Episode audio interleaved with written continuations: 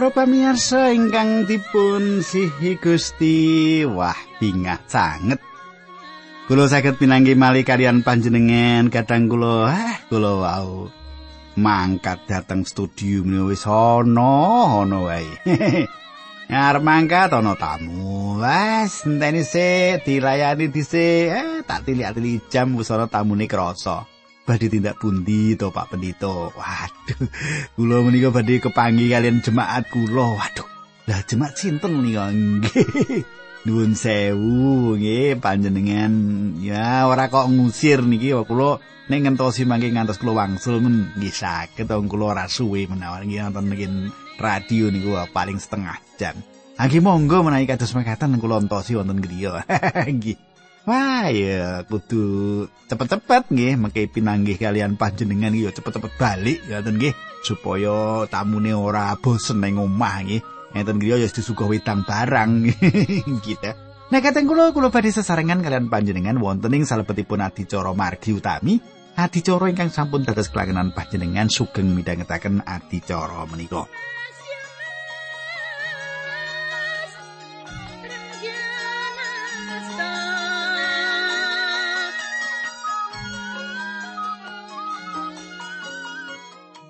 Para pamirsa, menapa panjenengan tasih kemutan, menapa ingkang kula aturaken duk nalika kepengker? Wonten ingkang telepon kula anu Pak Pujin mboten sah dibaleni pun kersane. Wong sing ngerti ya ben ra ngerti. Eh piye to? Gitu sing akeh ngrungokke ra ya anu butuh dek patemon kepungkur ke apa sing dingendikake Pak Dito rak ngono. Nggih tak baleni umarga. Kata sing kepengin kelingan apa sing diaturake Pak Puji kepungkurke apa to ya? Gitu nah kateng kula ing pepanggihan ingkang kepengker kita sampun nyemak Paulus nggih. Paulus ngemutaken supados kita mboten dados sandungan kangge sederek-sederek kita ingkang ringkih. Ngaten nggih. Mangan gitu perkawis-perkawis patra lan salah-salasipun nah monggo kita tumungkul kita ndedonga sesarengan Duh Kanjeng Rama ingkang dampar wonten kratonipun kasuwargan kawula bingah sanget. Dene ing wanci menika kawula saged kepanggih malih tetunggilan kalian sedherek kawula ingkang badhe sinau kayektosan pangandikan paduka. Kawula pasrahaken wonten ing astanipun Gusti supados menapa ingkang dados adicara menika saestu dados berkah. Dinambaran asmanipun Gusti Yesus Kristus kawula ndedonga haleluya amin.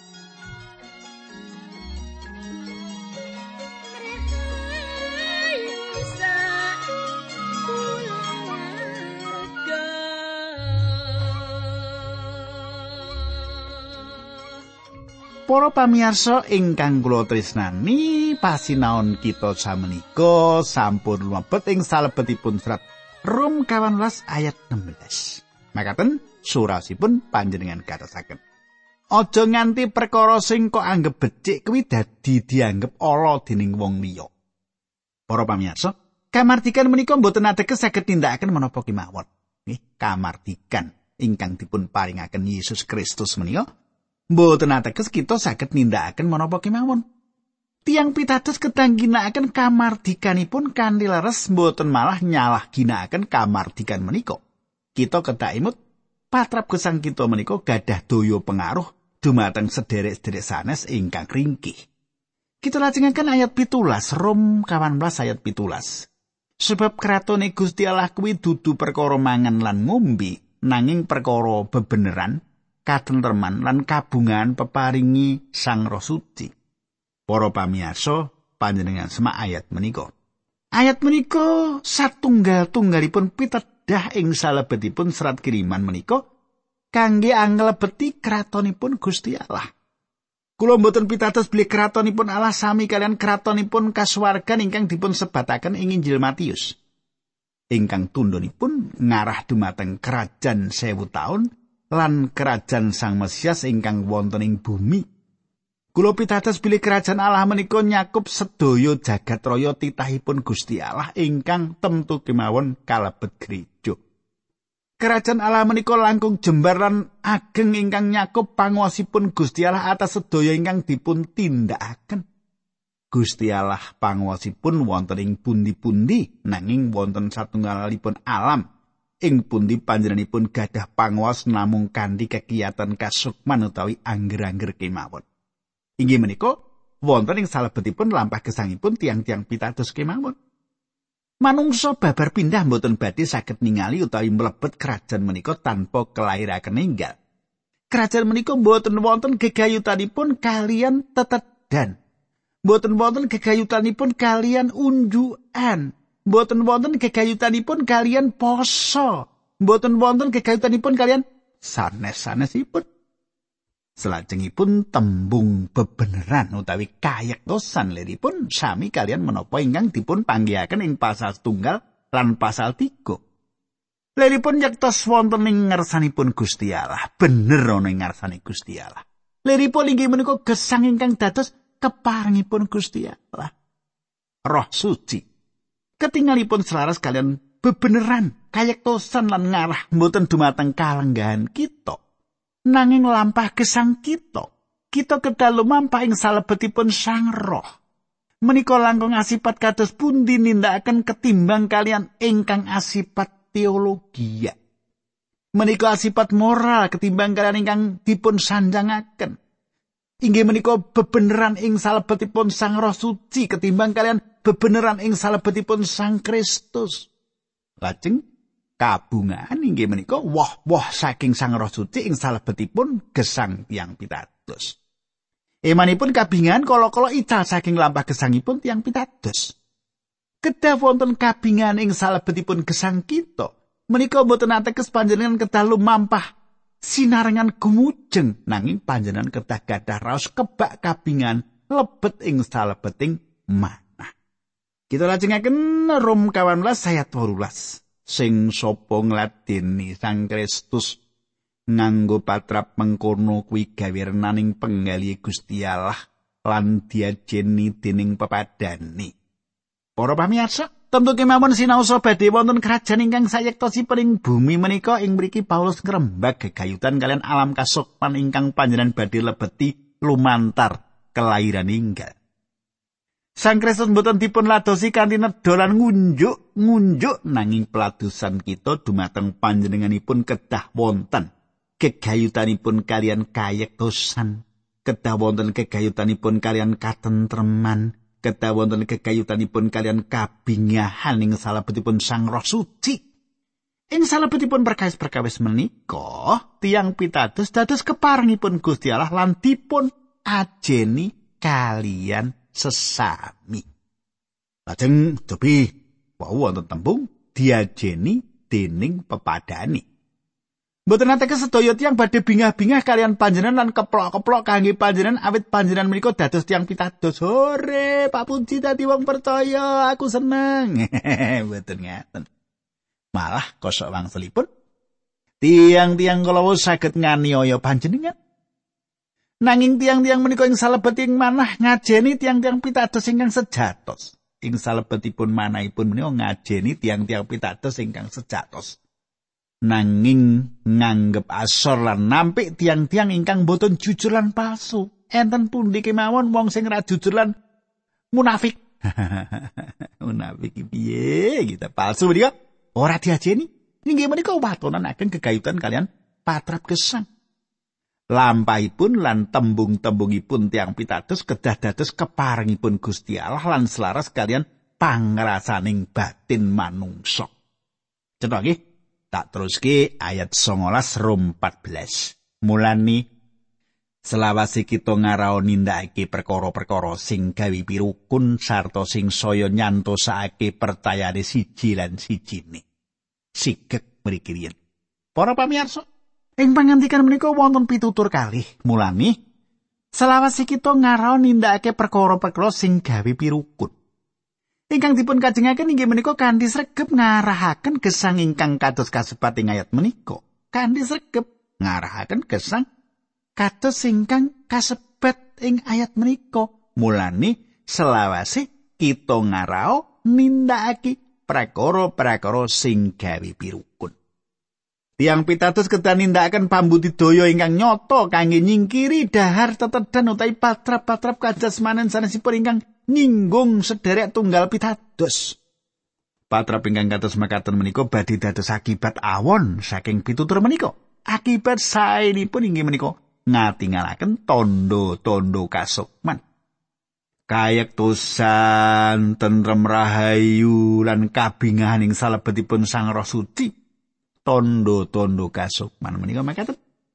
Inggih menika perkawis-perkawis ingkang bangun tiang pitados kayektosan tentrem rahayu kabingahan nggih. Nah, saniki lajengaken ayat kali dosa. Cobi panjenengan ingkang maos. Nek anten gereja kula ngoten nika. Jenengan sing maos genten gitu. Nek ora siap kuaget jumbul keringet adem geter-geter. Wah, aku ora maca mau ya. Ning endi mau ayat piro iki? gitu. Ayat kali dosa. Nggih kula lajeng ngoten gitu. Kowe aja padha mbubrah pakaryane Gusti Allah mung mergo perkara pangan. kabeh pangan kuwi halal nanging saupama mangan barang sing marakake wong liya tumiba ing dosa kita dadi salah kula ndek mriki nggih para pamirsa awit tetedan ampun ngantos ngrisak pakaryanipun Gusti Allah Sampun tentu tiang pitados gadah kamardikan nedo daging utawi nyirik nedo daging nanging kekalihipun boten badhe dipun ajeni Gusti Allah. Sing nyirik ya ora diajeni, sing ora nyirik ya ora diajeni. kita mboten kenging ngrisak pakaryanipun Gusti Allah ing salebetipun manah sawetawis sedherek ingkang ringkih demi kamarmanipun raga kemawon. Paribasan kino ingkang tasih lumampah bubur badhe dados racun tumrapipun tiang sanes. Esau paminipun mboten aji kangginipun Gusti Allah utawi kangge hak lairipun. Piyambakipun ngijolaken satunggal mangkok sup ampun ngantos panjenengan nyadi hak kelahiran panjenengan namung kangge damel maremipun hawa nepsu panjenengan. Ayat selikur luwih becik aja mangan daging utawa aja ngombe anggur utawa aja nindakake apa wae sing marakake sedulurmu tumiba ing dosa. Para pamirsa, Paulus wangsul ing kalih perkawis menika nedha lan ngunjuk.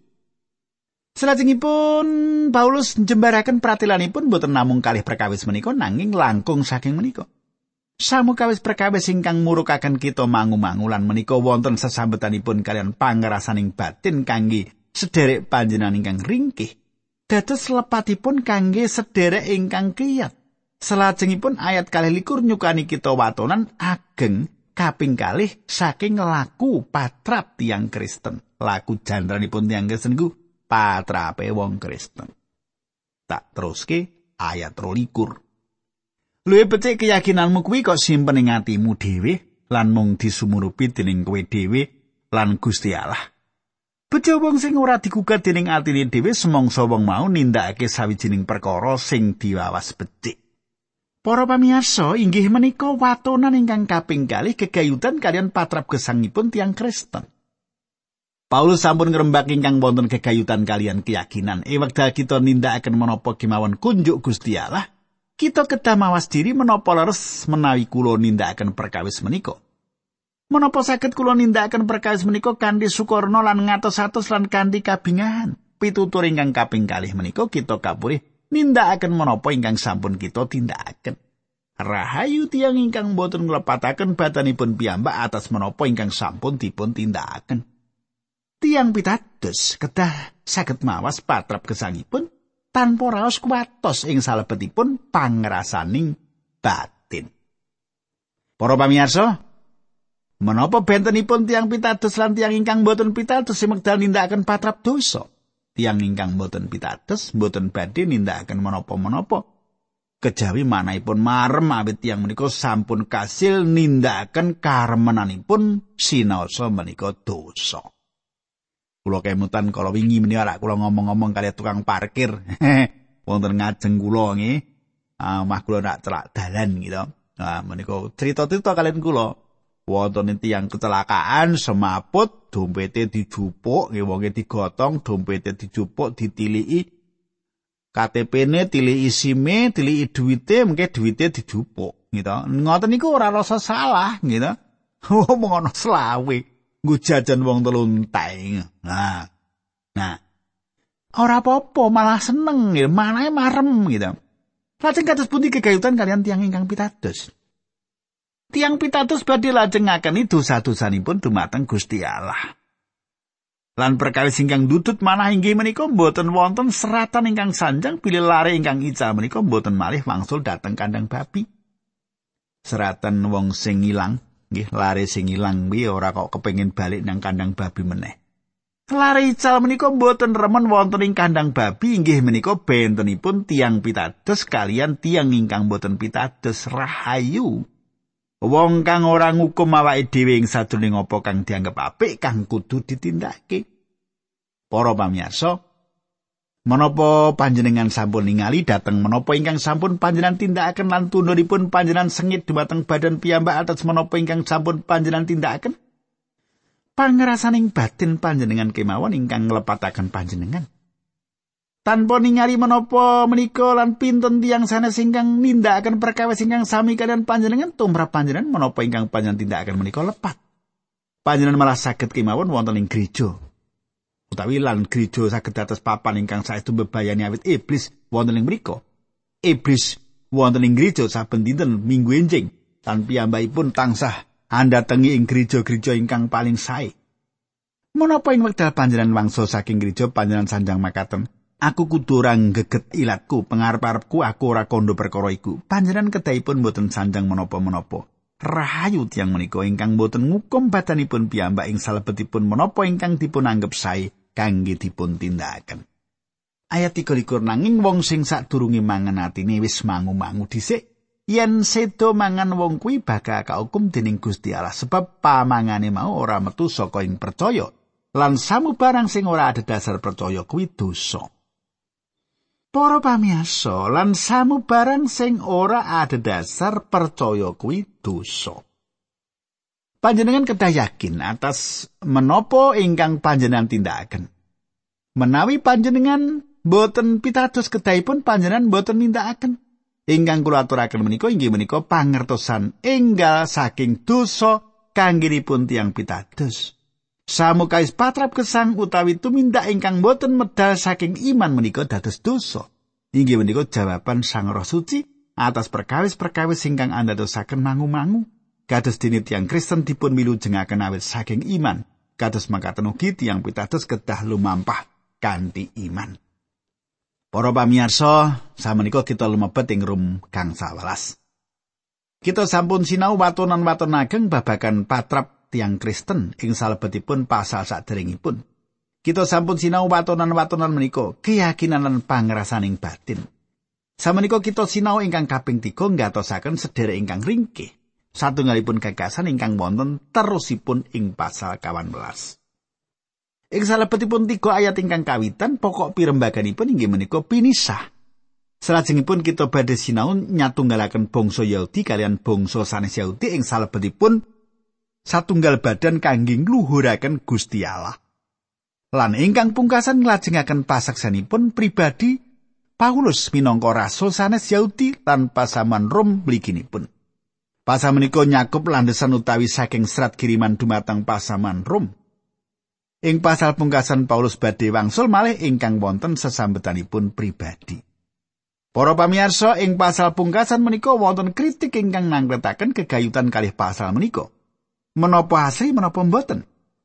Tanpa wonten landesan utawi bukti ingkang senerat, seratan Paulus datang pesaman Rom kegayutan kalih pasal menika dipun tampik.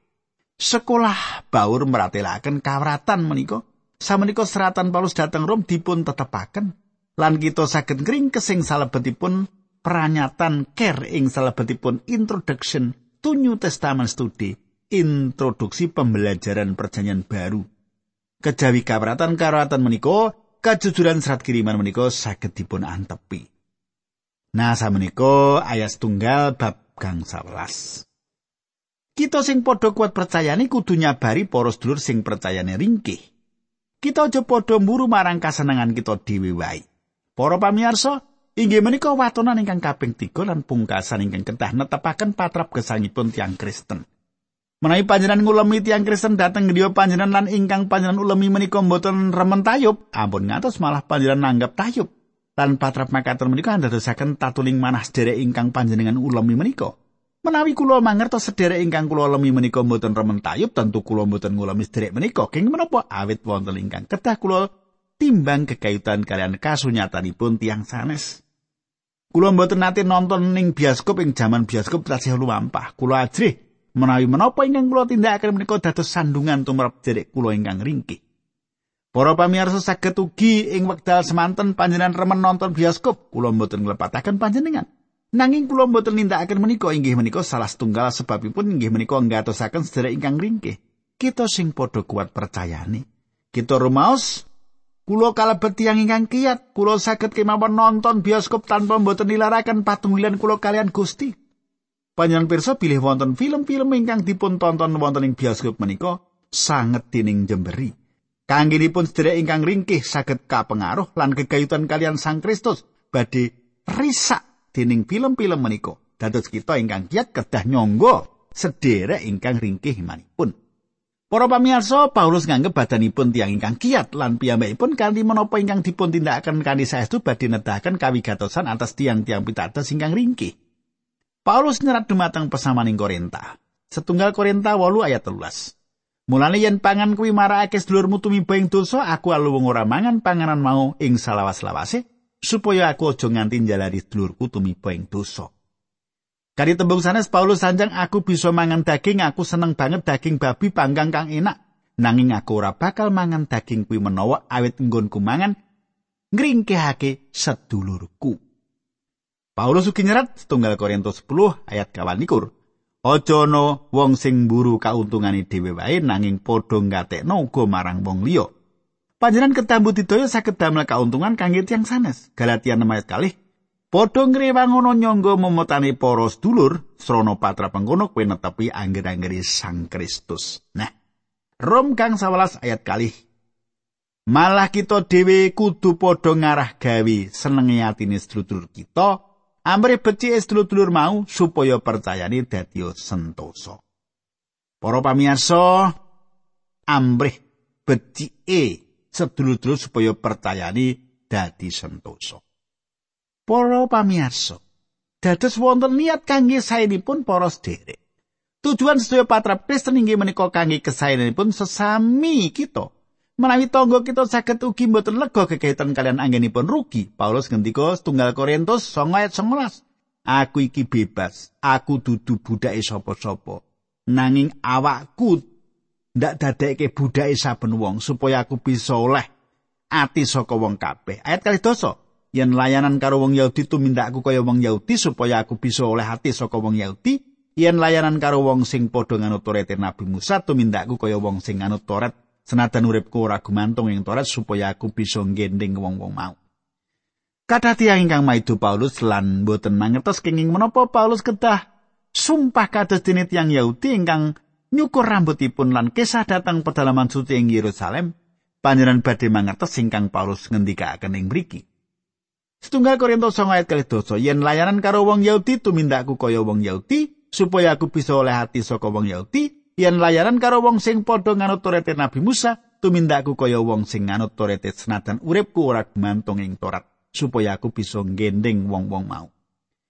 Para pamirsa kita kedah imut bilih kita tasih wonten salebetipun perkawis ingkang andadosaken mangu-mangu perkawis-perkawis ingkang boten cetha leres lan botenipun ingkang dipun pratilaken wonten ing kitab suci.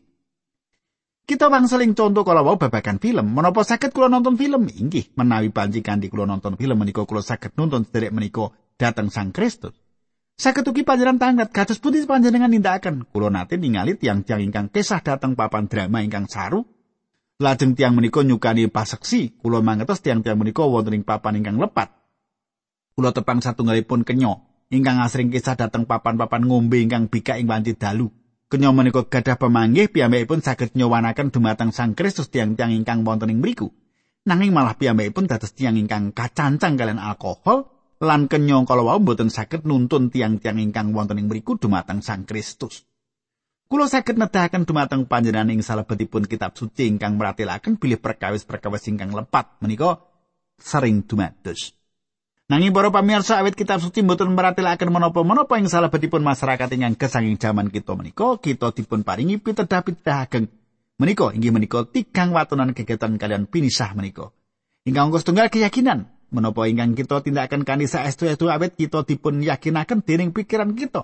Inggih menika ingkang Gusti Allah kersakaken kita tindakaken. Kaping kali pangerasanipun manah ingkang lebet patrap kita kedahipun boten adamel kita ningali dateng wingking kinantian raos getun ing salebetipun pangerasaning manah. Kaping tiga kawigatosan. Kita kedanetaken kawigatosan dumateng raos, raos lan jubrianipun tiang-tiang pitados ingkang ringkih. Rom kang 11 tiga sebab Sang Kristus ora ngupaya kasenengane piyambak nanging kaya kang dingendikake ing kitab suci awet sedaya tembung panacating tiang datang paduka dawahipun wonten ing kawula. Para pamirsa, cuplikan menika dipun belet saking Jabur swidak songo ayat songo menika Mazmur pangipatipat lan ugi salah tunggal Mazmur ingkang meca bab Sang Mesih ingkang agung. Sang Kristus boten nating ngotingaken kepentingan piyambak lan karemenanipun piyambak, Stifler gadah pemanggih bilih Sang Kristus ingkang dipun pratelakaken ing mriki langkung namung dados alasan boten satunggalipun contoh. Ing salebetipun buku The Epistle to the Romans, Stiper nyerat kitab suci boten kulino ngangkat Sang Kristus minangka contoh awit manungsa boten dipun wilujakaken utawi dipun sucikaken awit satunggalipun contoh. Menawi Sang Kristus dipun dadosaken contoh pramila badhe tansah kekayutan satunggalipun tiang ingkang nguwalaken sih rahmatipun Gusti Allah. Para pamirsa, monggo kita tumungkul kita ndedonga. Duh Gusti Allah, matur nuwun sanget kawula sampun ngaturaken kayektosan dumateng sedherek kawula. Kula nyuwun Sang Roh piyambak ingkang jarwakaken ing telenging manahipun. Dinambaran asmanipun Gusti Yesus Kristus kawula ndedonga lan kawula pasrahaken sedherek kawula wonten ing asma. Haleluya. Amin.